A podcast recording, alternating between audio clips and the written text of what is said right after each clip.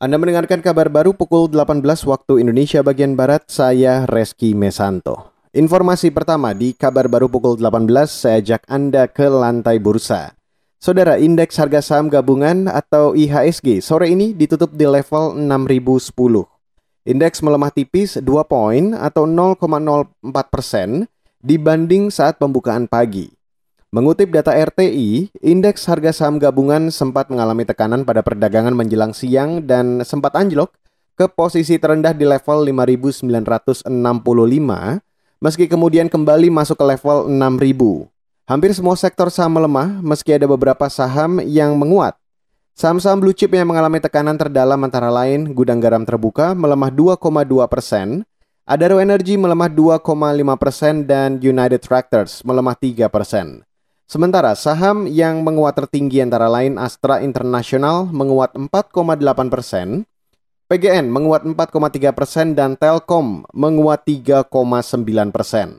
Sejumlah bursa utama Asia juga melemah, di mana pelemahan tertinggi terjadi di indeks Hang Seng Hong Kong yang melemah 0,69 persen. Kita beralih ke informasi selanjutnya, saudara. Sekitar 30% pengusaha mikro kecil menengah atau UMKM beralih dari perdagangan offline atau luring ke online atau daring selama pandemi COVID-19.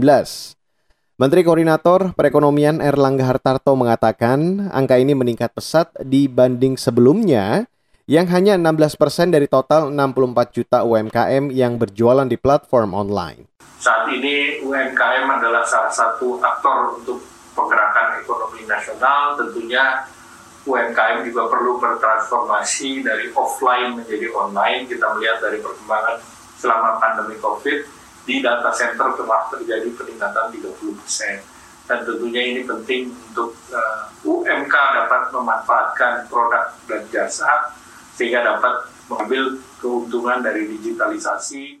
Menko Perekonomian Erlangga Hartarto mengatakan, lonjakan migrasi UMKM dari offline ke online dengan memanfaatkan digitalisasi cukup menggembirakan. Erlangga mengklaim pemerintah terus mendorong digitalisasi UMKM agar lebih masif lagi selama pandemi COVID-19. Kita beralih ke Banyuwangi. Saudara, pemerintah Kabupaten Banyuwangi menghentikan uji coba sekolah tatap muka di 50 sekolah tingkat SMA dan SMK.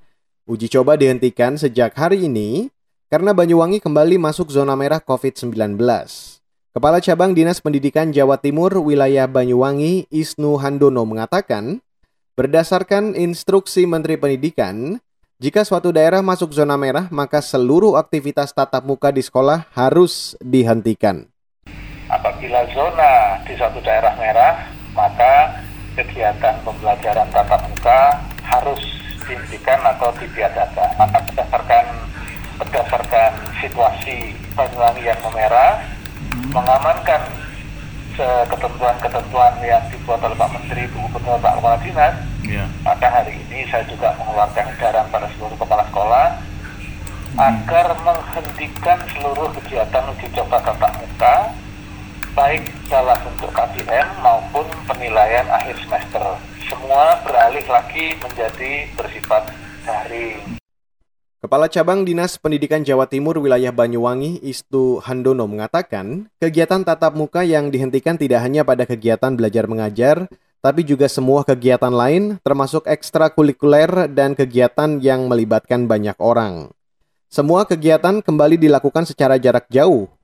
Banyuwangi kembali masuk zona merah COVID-19 pada Senin kemarin. Jumlah kasus positif COVID-19 di Banyuwangi mencapai 3.400 orang, di mana 2.900 dinyatakan sembuh dan hampir 300 orang masih dirawat. Demikian kabar baru KBR, saya Reski Mesanto.